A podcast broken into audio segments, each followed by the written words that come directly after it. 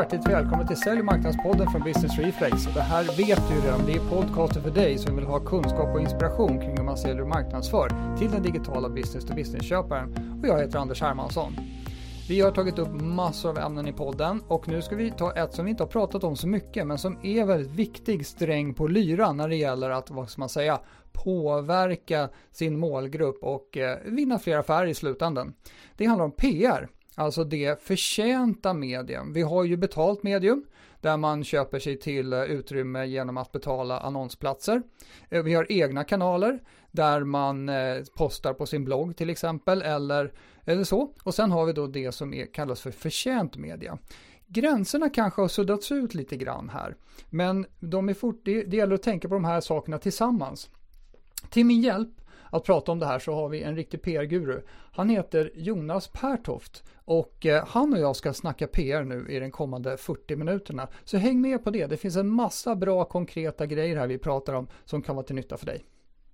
Jonas Pertoft, hjärtligt välkommen till Sälj och marknadspodden. Tack så mycket. Kul att ha dig här. Vet du, vi ska ju prata PR idag och jag är, jag är så en gammal PR-kille, jobbar som presschef på IBM back in the day. Det känns, jag började räkna i morse på hur många år sedan det var och det, det känns som både tre decennier sedan och så är det faktiskt, jag tror att det är 12-13 år sedan jag höll på med det där i alla fall. Men logiken har ju ändrats extremt mycket sedan dess. Eh, men jag tänkte så här Jonas, kan inte du berätta lite grann vem du är så får vi höra, höra din story och vad, hur du har landat där är nu. Mm, ja, vem är Jonas Pertoft? Jag brukar ofta ställa den frågan till mig. Eh, nej, men jag är kommunikationsstrateg och eh, PR-expert eh, och driver då, eller driver, jag startade ett företag som heter Södra Tornet då för 20 år sedan och eh, jag är inte VD eller så längre utan jag jobbar som kommunikationsstrateg.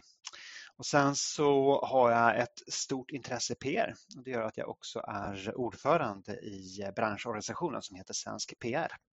Mm, Okej. Okay. Och, och är, är, det, vilka ingår i den där branschorganisationen? Vilka typ av, av bolag och så vidare? Vi är ett 30-tal eh, PR-byråer och eh, okay. det här med PR, vi kommer komma in på det sen, men mm. PR-byrå, kommunikationsbyrå, vad är det för någonting? Mm. Eh, men, men eh, ett 30-tal företag är med där och en okay. ganska ny organisation som stadigt växer. Ja, ja vad roligt. Eh, så här då, då, då tänker jag på min gamla medialogik när jag, var, när jag var presschef på IBM. Då var det så här att då var jag den enda på IBM svenska som fick prata med media överhuvudtaget. Alla andra fick eh, sparken om de gjorde det, sades det då liksom, för att vara riktigt på allvar. Det, då handlar ju kommunikationsstrategin om kontroll. Eh, sen har ju IBM, som är ett modernt bra företag, de har ju Eh, de har ju naturligtvis svängt helt om som alla andra vettiga bolag gör också, där alla är talespersoner och sånt där istället då, så man håller mm. sig liksom till, till det istället. Eh, men, men då fanns det ju en viss logik kring PR, att eh, de medier som, som jag framförallt då eh, handskades med, ska man väl säga, både, både krismässigt och även eh, om man säger pitchmässigt då, så då var ju det, då hade ju de en stor megafon IDG-gänget liksom. Det var ju det. det. var de som styrde och ställde där och, och sådär. Mm. Nu känns det ju som att det inte riktigt är den logiken längre. Och, och första frågan egentligen, håller du med om att logiken har förändrats och egentligen vad blir då relevansen för det som i alla fall jag kallar PR? Mm. Ja, men det är helt rätt. Uh, för det är precis som du säger då att, att det, allting gick genom en person, en pressansvarig. Och, och, det gick ju då med tanke på att det inte fanns så många kanaler. Eh, I, i datavärlden, IT-världen så fanns IDG, ja, International Data Group. Eh, men och annars var det liksom Dagens Nyheter, Dagens Industri och sen så hade vi två tv-kanaler i princip. Um, och det gjorde att det kunde slussas nu. Men nu har vi ju då, precis som du säger, alla tusen anställda är talespersoner för verksamheten och det finns tusentals olika kanaler att synas där ute. Ja. Eh, och, och tänker vi liksom, när vi pratar business to business här, tänker vi hur man fattar beslut.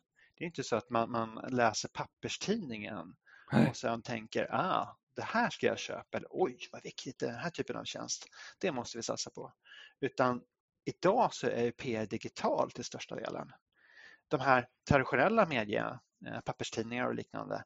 Visst, de spelar en stor roll, men den stora mängden det är faktiskt digital PR. Ja, Och, och, och, jag menar, är det fortfarande så logiken att man, att man i PR då letar efter den största megafonen på något sätt? Eller, eller försöker man skapa sin egen, eh, mega, alltså en egen, sin eget med, ägd medie, eller vad man nu kallar det för? Ja, det kan man säga att, och, och, när du jobbar med det här på back in the days, Exakt. Eh, då var ju, då var ju eh, så att säga, det var lite mer stuprörstänk. Man tänker mm. pressansvarig jobbade för sig, marknadsavdelningen för sig och sälj för sig och nu jobbar man mycket, mycket mer integrerat. Så att gör man idag, och nu säger jag hur man borde göra, det är inte alla som gör det, men, mm. men om man gör PR på rätt sätt idag, eh, då gör man ju en insats tillsammans med alla andra. Mm. Så att, jag menar, om, om vi går ut med ett pressmeddelande nu till exempel eller skickar ut eller gör något jippo, ett stort event, gör en undersökning. Mm. Eh, då ser vi till att publicera det i våra egna kanaler på alla LinkedIn-konton som finns på företaget. Mm. Eh, vi lägger ut på vår webbsida förstås, vi lägger ut det på Youtube, vi kanske gör en film av det också. Samtidigt som vi kanske stöttar med, med eh, vi sponsrar inlägg till exempel på LinkedIn eller Facebook. Ehm, och gör det tillsammans. Så att eh, tänker är att, att, att vi gör ett riktigt, riktigt bra PR eh, grej här nu och vi får bra spinn på det. Mm. Och så börjar folk googla. Mm. Men så har ni inte lyckats med, med SEO. Alltså, folk hittar inte företaget på nätet. Ja, men mm. då är det mm. bortkastat. Mm. Så PR och SEO till exempel, det hänger ihop på ett helt annat sätt än vad det gjorde förut. Mm. Men, men för, för, för, liksom för att förstå vidare diskussioner, alltså, vad är PR och vad är inte PR då? För jag menar, man ja. kan ju skotta in, PR kan vara jätterelevant om du skottar in allting i begreppet PR. Mm. Bara Nej, men, och, det, det, det, och det är ju så. Jag menar, jag, jag, jag tycker PR är det bästa som finns här i världen. Näst, näst uh, glass och hallonsås. Men uh, om man tänker min definition av PR, det finns ju många olika definitioner, då pratar vi om PR, Public Relations, vad står det för? Ja, men liksom omvärldsrelationer. Brukar mm, man säga. Just det. Och då kan man tänka, omvärldsrelationer, men det är väl allting? Ja, det kan vara allting. Men om man delar upp det då, att omvärldsrelationer, public, det betyder att man pratar med stora målgrupper. Mm. En säljare, de jobbar ju med relationer individ till individ. Ja. Men jobbar man PR jobbar man med stora relationer. Okej, okay, då tänker man så här, hmm, det är väldigt nära marknadsföring generellt. Ja, men det är det. Och jag skulle säga att PR det är ju en av de här främsta verktygen i marknadsföringens verktygslåda. Och jag gillar den här uppdelningen med eh, man har egna kanaler, eget utrymme, man har förtjänat utrymme och man har köpt utrymme. Köpt utrymme det är annonser, det är eh, direktreklam, allt som är reklam det är mm. köpt utrymme.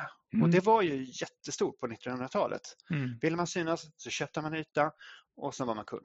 Ja. Um, och då var det här förtjänat utrymme, det var ganska smalt. Det var ju precis som du säger, man skickar ett pressmeddelande så tar Dagens Industri upp det här. Och det var liksom förtjänade. Ja. Och sen så egna kanaler förut, det var ju väldigt smalt på 1900-talet. Men sen så kom ju webben och nu är egna kanaler. Det är webb, det är egna sociala kanaler, det är nyhetsbrev, det är om man har en lokal, kontoret är också egna kanaler. Mm. Så att det här begreppet PR, det har liksom växt mm. och också blivit, kan säga, det flyter ihop lite grann och det tycker jag är bra, det blir mer integrerat. Så att man mm. jobbar ju med PR parallellt med reklam, parallellt med egna kanaler. Mm. Jobbar tillsammans och då får man mycket större effekt också. Mm.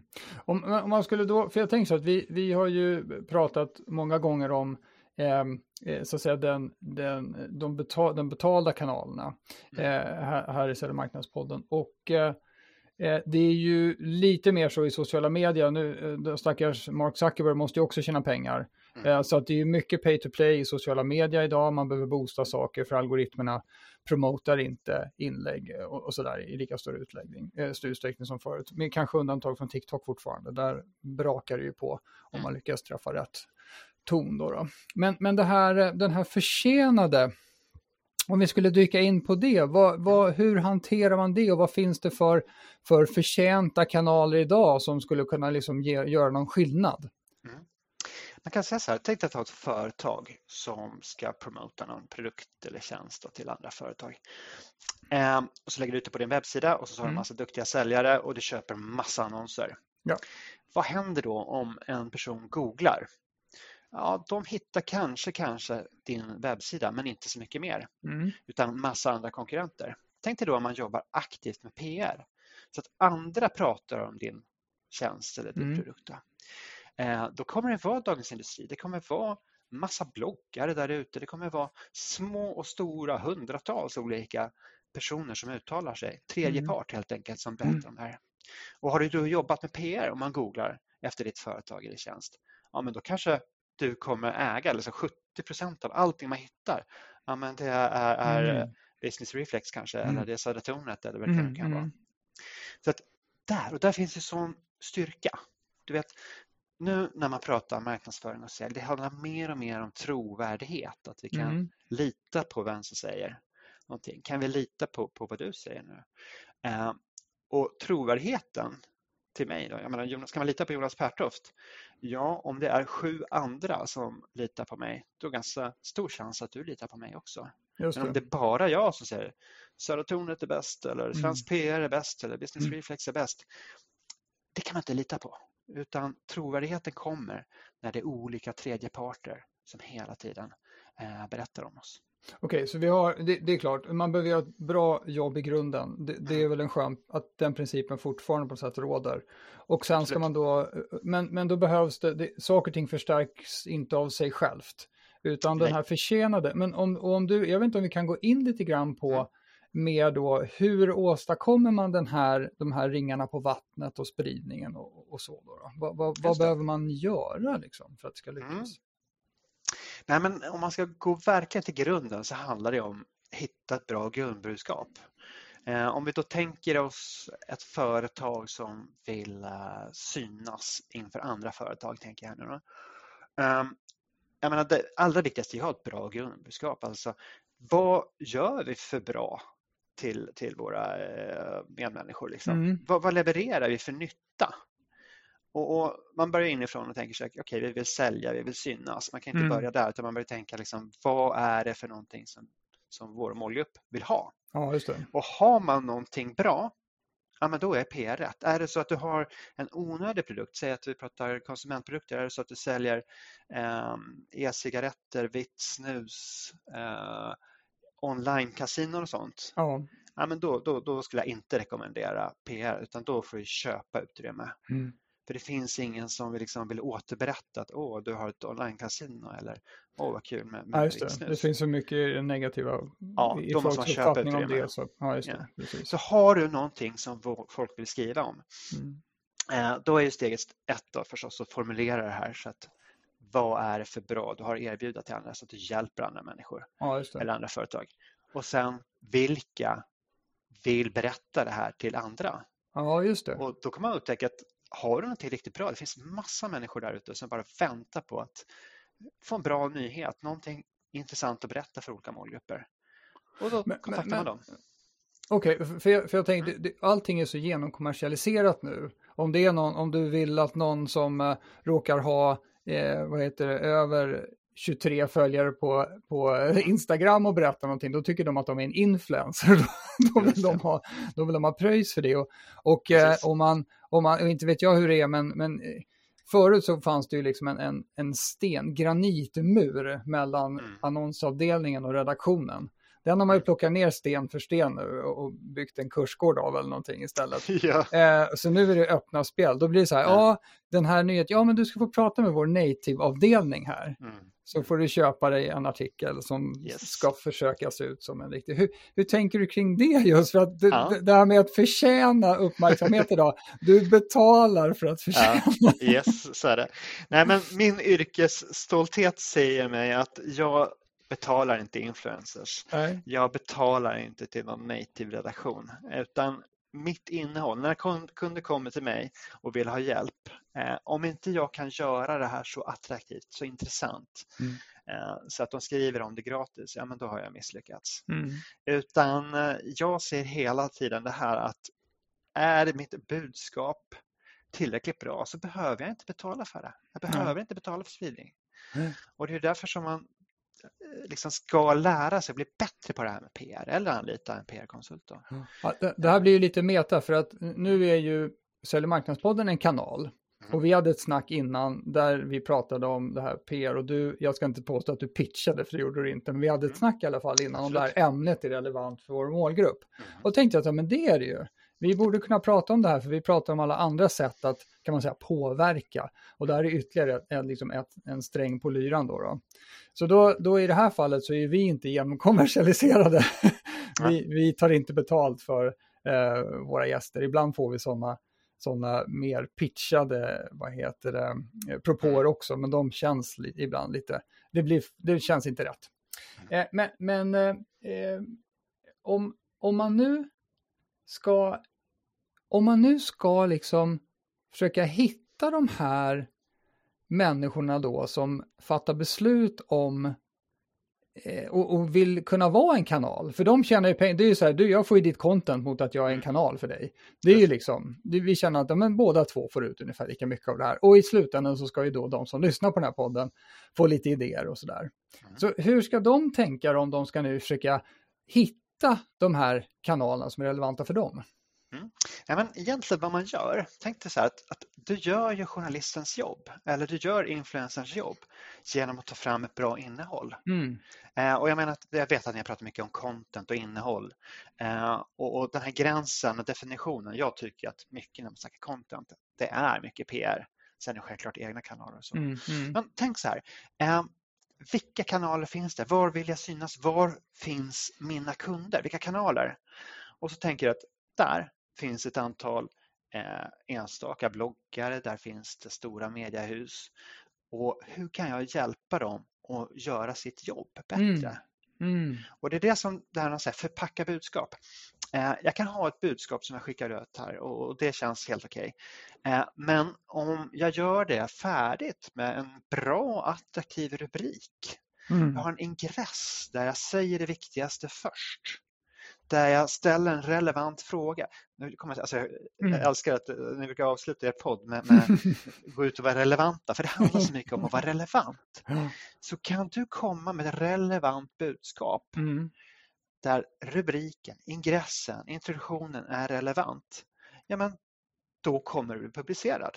Det. det. låter lite väl enkelt. Egentligen så är det självklart ja, ja. svårt och krävs massa jobb om man behöver mm, tänka efter. Mm. Men lyckas du vara relevant, ja, då finns det någon där ute som vill publicera ditt material.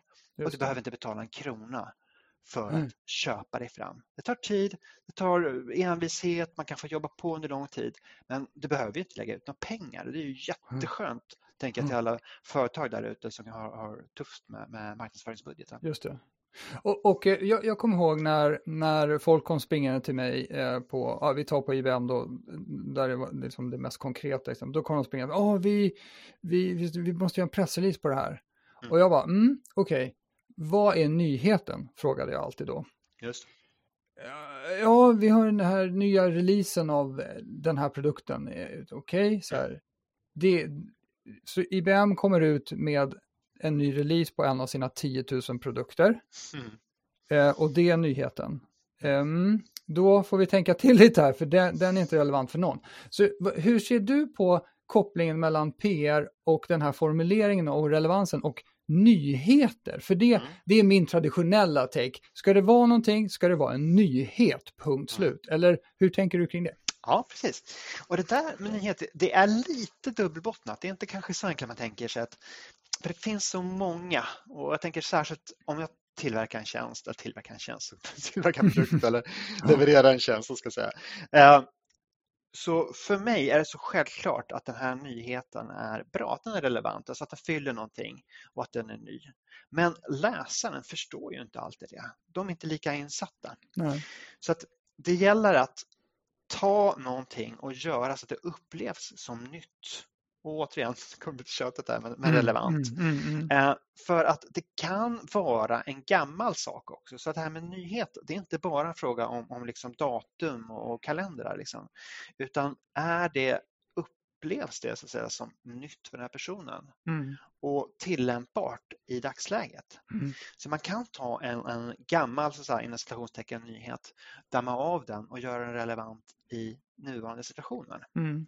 Och ett sånt här knep som, som vi som jobbar med PR har, det är att titta på trender. Mm, just det. det kan ju vara så att eh, ingen har pratat om det här tidigare. Och så skickar man ut ett pressmeddelande till exempel, skickar ut det här i olika kanaler. Ja. Och det händer ingenting. Men det är ju jättenytt. Jag är Mm. först i världen. Ja, just det. Men, Mm. och sen så är det en trend, någon, alltså AI till exempel. Mm. Jag vet inte hur många miljoners artiklar det finns Exakt. om AI där ute. Och så skriver de AI i, i eh, lokala tidningen och plupp så blir det. Just det. publicerat. Ja, just det. Så att man får inte vara för ny.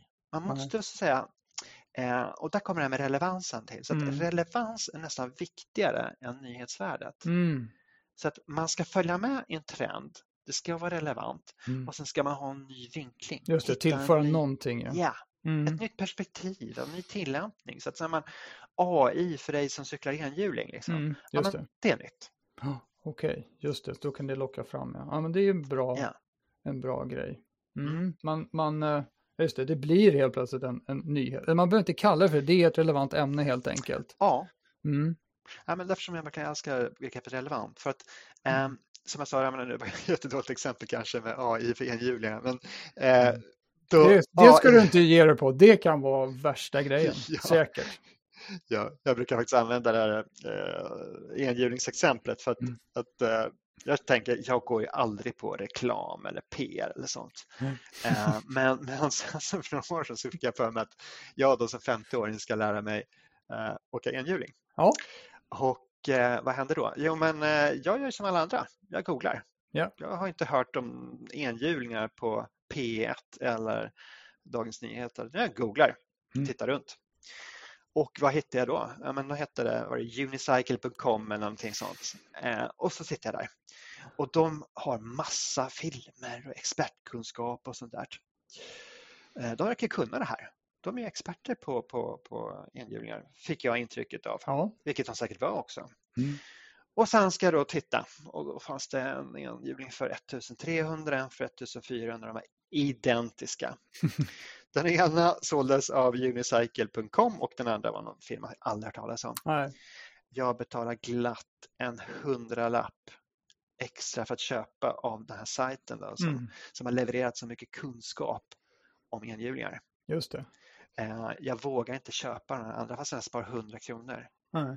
Det, det kan, där- det, så det finns liksom en prispremium man kan ta Ja. ut för att man byggt trovärdighet då. Ja, Mm, och om man just då det. tänker sig det här med PR, att få Mm. andra att skriva om oss. Mm. Ehm, det här andra företagen jag googlade, de hade ju bara sin egen webbsajt och de hade Mm. sagt jättemycket fin reklam, annonser. Mm.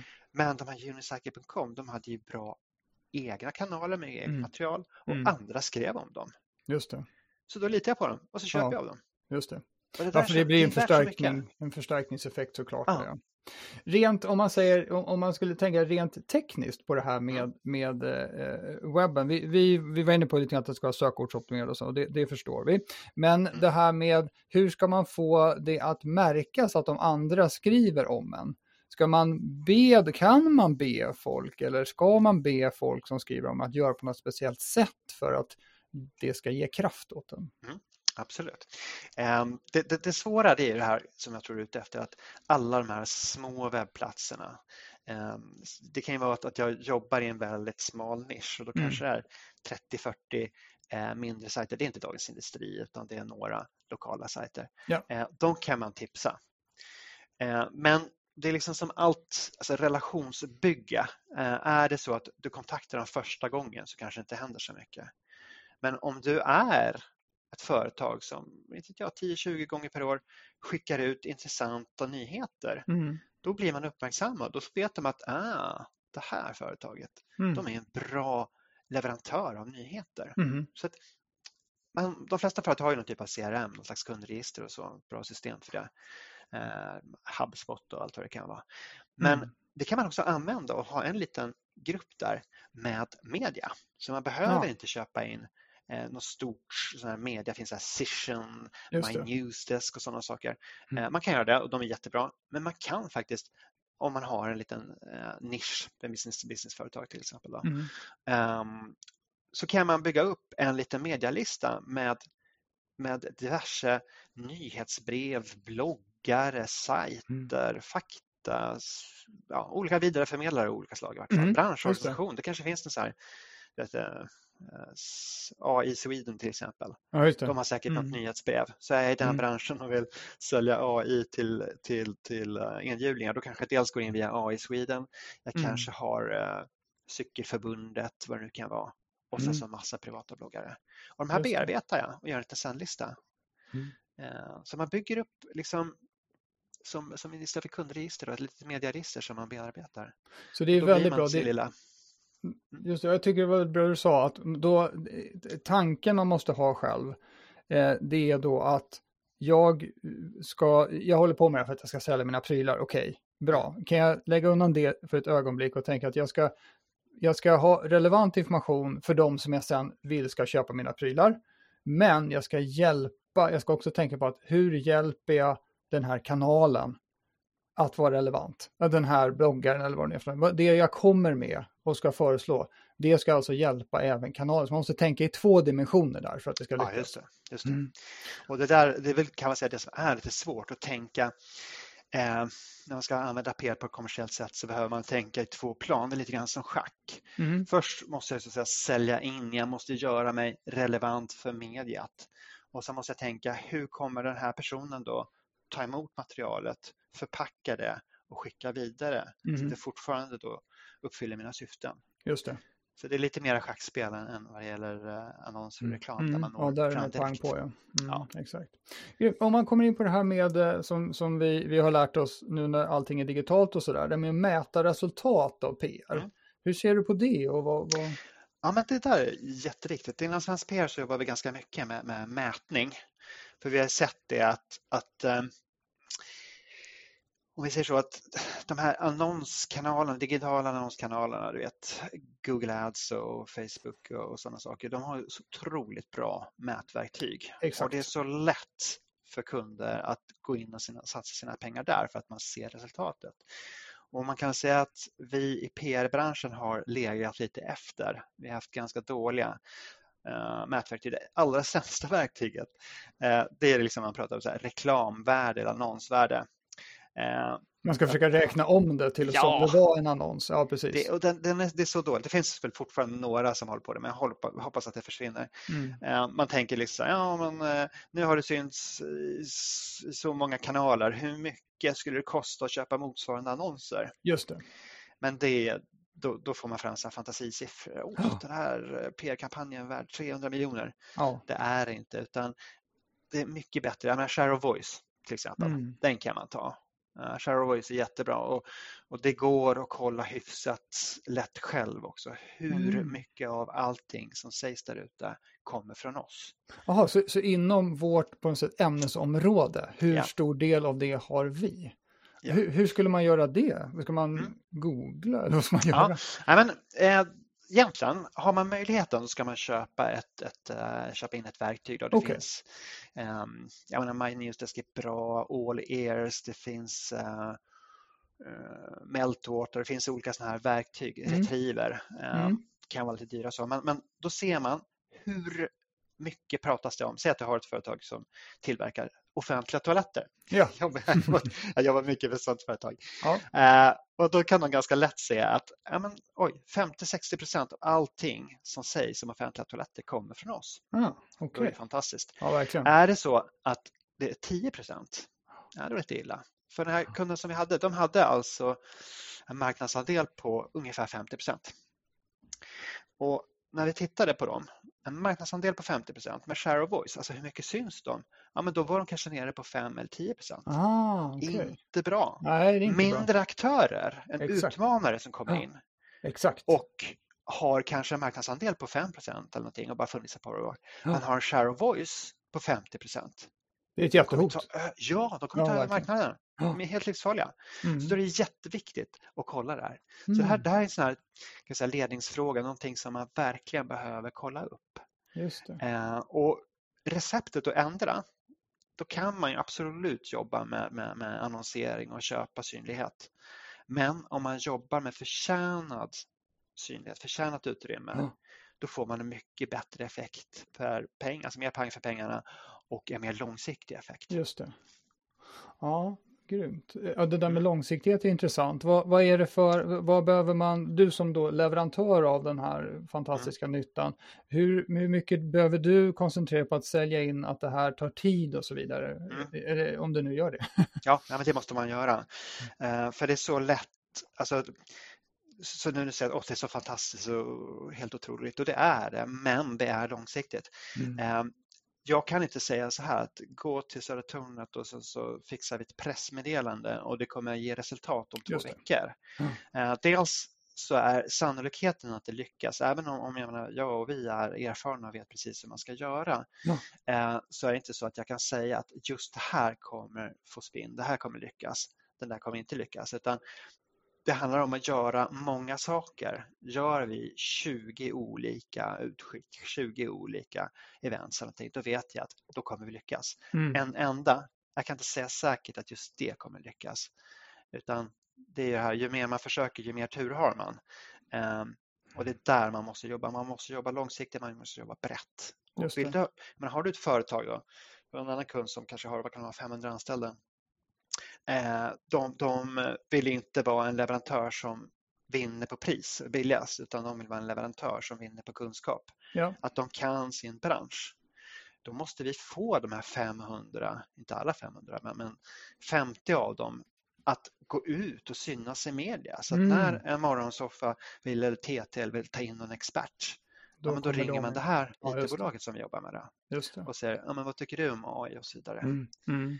Eh, och det där mm. tar sin tid och vi måste liksom göra om deras, eller ska jag säga göra om, vi måste lyfta upp deras medarbetare som experter. Så att när det är eh, en föreläsning eh, på, på någonting, ja, webbdagarna eller någonting sånt, ja, men då ska de vara där och föreläsa. Just det. Då hamnar de där i programmet, då är de som får uttala sig i debattartiklar och liknande. Mm. Och debattartiklar är superbra, det är ja. någonting som, som vi använder mycket. Just det, ja, för det, det tänkte jag också på om man vill föra fram ett ämne. Och då så försöker man kolla upp och så säger debattredaktören, ja fast vi, vi hade en artikel om det där för tre månader sedan. Ja, då får man väl försöka vinkla om det eller komma tillbaka.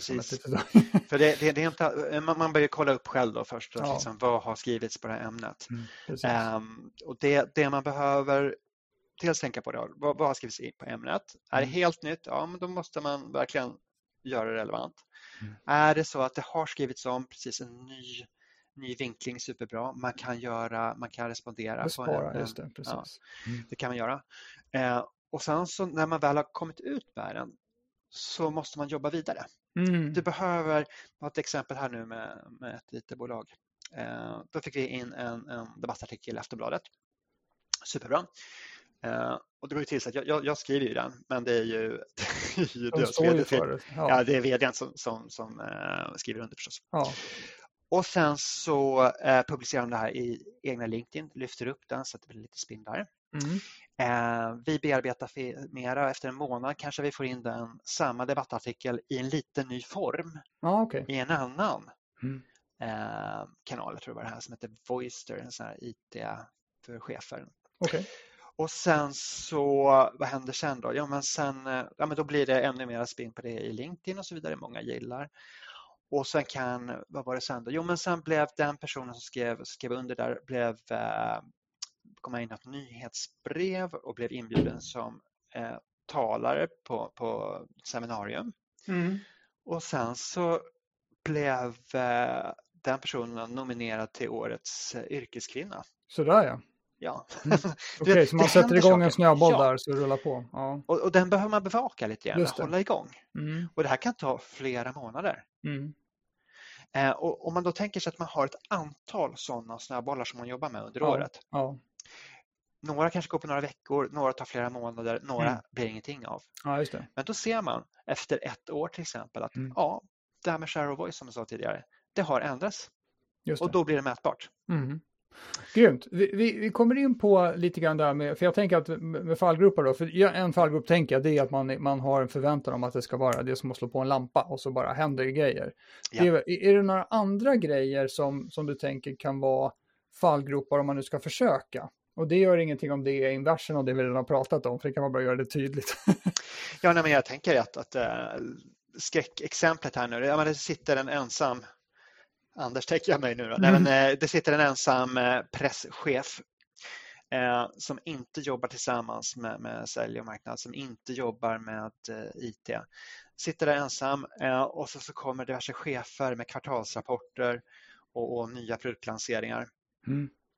Som man skickar ut utan nyhetsvärde. det är ett inifrån perspektiv som är direkt skadligt. Just det. och sen så blir folk besvikna på den här stackars Anders som sitter där mm. och varför det händer inget? Det blev, ja, det blev bara små notiser. Ja, just. Eh, om man istället gjorde det här till en, jag menar, en ledningsfråga och sa ja. att jag menar, Per, nu ska vi synas, det här som jag sa, nu ska vi synas till 50 procent. Vi ska dominera den här marknaden. Vi som ska, ska man söka på expert och enhjulingar, ja men då hittar man oss direkt. Ja, för jag, jag måste, ursäkta avbryta, jag tycker det där är jätteintressant för att det är väldigt vanligt att man i sina mål säger att man ska uppfattas som marknadsledare till exempel. Ja. Och så börjar man undra, vad, vad är det då? Eh, Precis. Hur ska vi, ska vi själva uppfatta oss som marknadsledare om ett år? Eller vem ska göra det? Och jag tycker då, då är ju faktiskt det där share of voice ju faktiskt väldigt relevant KPI på det, skulle jag säga. Det är det, ja. Mm. Och jag vet ni hade väl något, jag har inte jag lyssnat på det avsnittet, men det var ett avsnitt om handlar med OKR, mm. Objectives and Key Results. Just det. Eh, och det tycker jag det är någonting som, som själva har jobbat med, det här med hur man formulerar lagom ambitiösa mål. Mm. Och då är ju ett sånt mål jättebra. Mm. Det är mm. konkret och kan vara lite kaxigt. Alltså att man, jag menar, vi ska listas som eh, topp 10 bland, bland eh, marknadscheferna i Sverige. Mm. Eh, och för att vi ska klara av det så måste jag ha en share of voice på minst eh, 20 mm. procent eller någonting sånt. Just det. Oh, du, en grej jag kom på.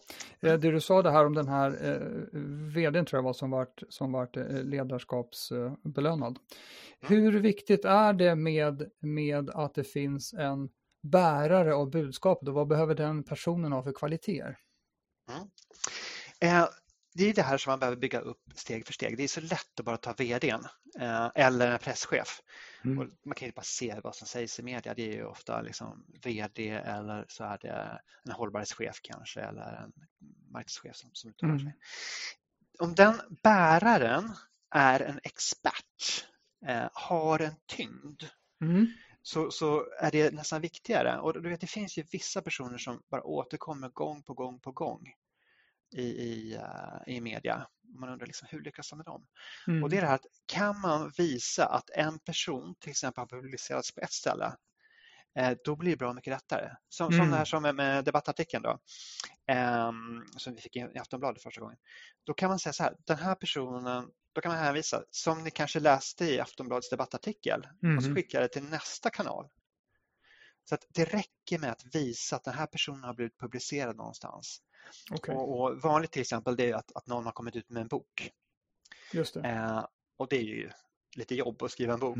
Mm. det, det, om någon orkar skriva en bok så får de jättegärna göra det. Eh, vanligare är att man gör en undersökning det är, det är väl egentligen eh, standardlösning 1A. Ja, ja. Man gör en undersökning, frågar tusen personer om någonting eller frågar mm. 500 om någonting. Och så, så gör man en liten rapport och sen så ser man att den här personen, talespersonen då, eh, kan berätta om det här, har Just tagit det. fram. Och, och, då får man en, en relevans. Liksom. Här har vi den här personen X som har tagit fram den här undersökningen. Och då, det är liksom genvägen för att få det här förtroendet att börja Just prata. Det. Jag kommer ihåg, jag käkade lunch för länge sedan med eh, chefredaktören på Veckans Affär, han hette Pontus någonting och han var tyvärr eh, med i en väldigt tragisk cykelolycka i, och, och omkom senare. Men i alla fall, eh, jag frågade honom hur ska man komma med i Veckans Affärer? Mm. Så frågade, ja, då sa han just det som du var inne på med undersökning, kan du komma med information om världen som mm. vi inte ännu vet?